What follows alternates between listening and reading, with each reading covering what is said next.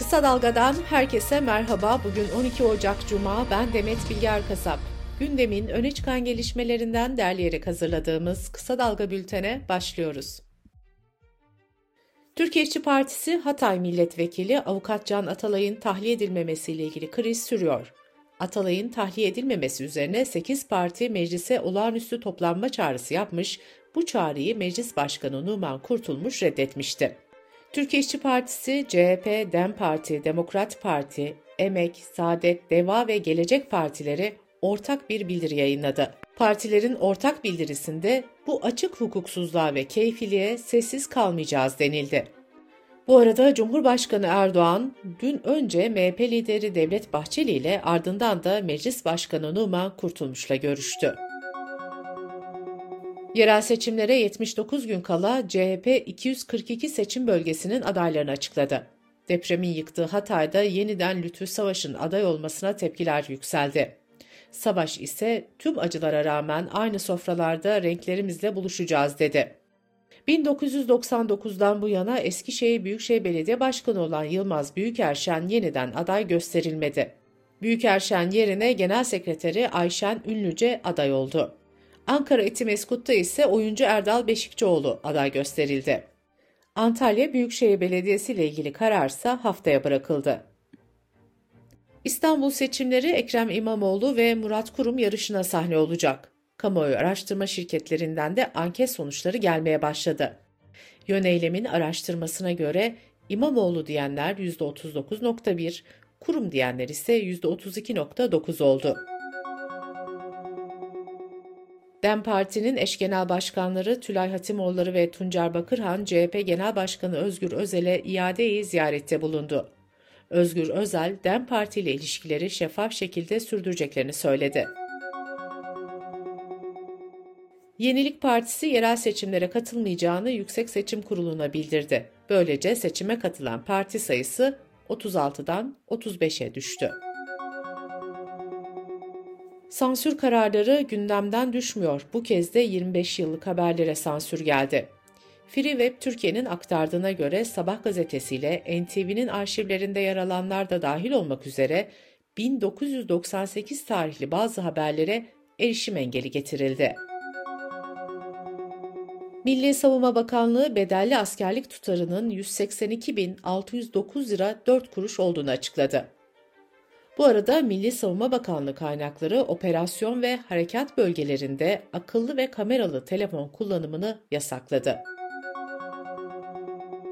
İran, Güney Kore, Suriye, Çin, Özbekistan ve İsviçre tarafından kırmızı bültenle aranan 10 kişi İstanbul'da yakalandı. Aralarında Arda Turan, Emre Belezoğlu, Muslera gibi isimlerin de olduğu 21 kişiyi dolandırdığı öne sürülen Denizbank'ın eski yöneticisi Seçil Erzan bugün ikinci kez hakim karşısına çıkacak. Bu duruşmada Erzan'ın mağdur olduğunu iddia edenlerle yüzleştirilmesi bekleniyor. Yunanistan Başbakanı Mitsotakis, Mart ayından itibaren Türk vatandaşlarının 10 Yunan adasına vizesiz gidebileceğini söyledi. Ona da şöyle. Sakız, Midilli, Rodos, Samos, Kos, Meis, Patmos, Leros, Kalimnos ve Simi. Kısa Dalga Bülten'de sırada ekonomi haberleri var. Dolar kuru dün psikolojik eşik olarak görülen 30 liranın üzerine çıktı ve tarihi zirvesini gördü. Euro fiyatları ise yeniden 33 liranın üzerini test etti. Amerikalı yatırım bankası JP Morgan dolar TL öngörüsünü revize etti. Banka 2024 yıl sonu tahminini 34 seviyesinden 36'ya çıkardı. ABD Menkul Kıymetler ve Borsa Komisyonu Spot Bitcoin Borsa Yatırım Fonu başvurularını onayladı. Almanya'da demir yolları işletmesiyle sendika anlaşamadı, işçiler 3 günlük greve çıktı. Ülkedeki çiftçiler ise akaryakıt ödeneklerinde yapılacak kesintileri protesto için traktörlerle şehir merkezlerinde eylem yaptı. Dış politika ve dünyadan gelişmelerle bültenimize devam ediyoruz. Güney Afrika Cumhuriyeti'nin İsrail'e açtığı soykırım davası Uluslararası Adalet Divanı'nda başladı. Türkiye Büyük Millet Meclisi'nden bir heyet de davayı takip ediyor. 28 ülkeden yaklaşık 400 parlamenter Gazze'de savaşın sona ermesi için ortak bir çağrıya imza attı. Çağrıda Türkiye'den de 62 milletvekilinin imzası bulunuyor. Amerika Birleşik Devletleri, Kanada, Almanya, İngiltere, Gana ve Şili gibi ülkelerden parlamenterler de imzalarıyla çağrıya destek verdi. İspanya Başbakanı Pedro Sanchez, Batı ülkelerine çağrıda bulunarak Filistin devletinin tanınması gerektiğini söyledi. Birleşmiş Milletler Güvenlik Konseyi, Yemen'deki İran destekli Husilerin Kızıldeniz'de gemilere yönelik saldırıları durdurmasını istedi. Husiler ise İsrail Gazze'ye insani yardım girişine izin vermediği sürece saldırılara devam edeceklerini açıkladı. Husiler Filistin'e destek için İsrail bağlantılı gemilere Kızıldeniz'de saldırılar düzenliyor. İtalya'da geçen pazar günü bir anma töreninde yüzlerce kişinin Nazi selamı vermesi ülkede büyük tartışma yarattı. Başbakan Meloni'nin bu görüntülere sessiz kalması da tepkilere neden oldu. Parlamentoda milletvekillerine bilgi veren İtalya İçişleri Bakanı 5 kişi hakkında suç duyusunda bulunulduğunu açıkladı. Almanya'da yapılan son araştırmalar sağcı Almanya için Alternatif Partisi'nin oylarının giderek yükseldiğini gösteriyor. Deutsche Welle Türkçe'deki habere göre partinin önde gelen isimleri aşırı sağcılarla bir araya gelerek göçmenleri kitleler halinde sınır dışı etme planını görüştü. İsveç'te önce Sivil Savunma Bakanı ardından da Genelkurmay Başkanı'nın yaptığı savaşa hazır olun uyarıları endişeye ve eleştirilere neden oldu. Yaklaşık 200 yıldır savaş görmeyen İsveç, NATO üyeliği için Türkiye ve Macaristan'ın onayını bekliyor. Ekvador'da cezaevi isyanlarından sonra televizyonları basan ve polisleri kaçıran çete üyelerinden 329'u gözaltına alındı. Operasyonlar sırasında iki polis memurunun hayatını kaybettiği açıklandı.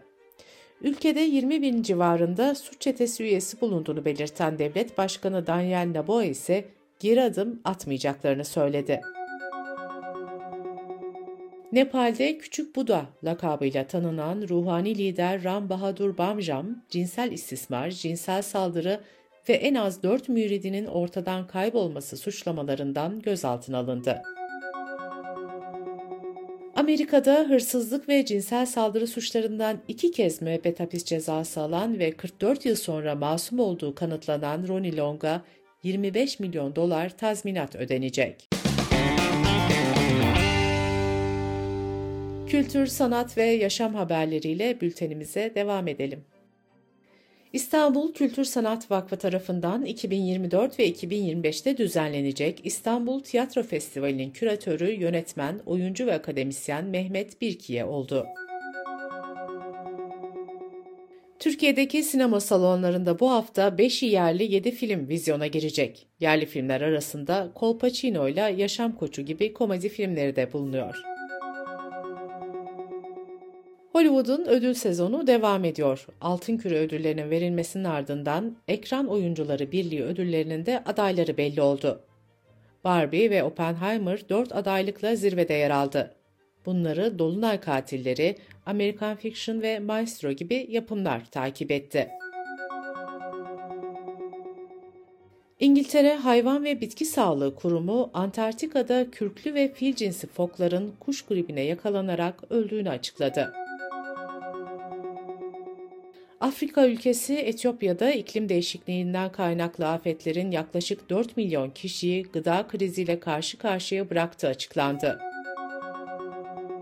İspanya'da artan solunum yolu enfeksiyonu hastalıkları nedeniyle hastanelerde maske takılması zorunlu oldu. Norveç, deniz yataklarını ticari deniz madenciliğine açan ilk ülke olmaya bir adım daha yaklaştı. Yeni çıkan yasa, değerli metallerin deniz yatağından çıkarılmasını hızlandırmayı hedefliyor. Greenpeace kararın okyanusların yıkımı anlamına geldiğini savunuyor.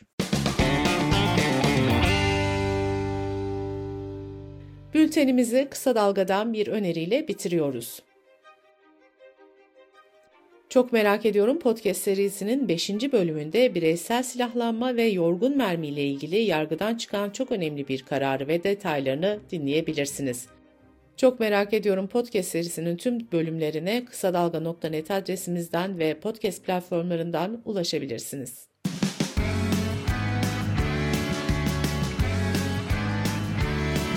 Kulağınız bizde olsun. Kısa Dalga Podcast.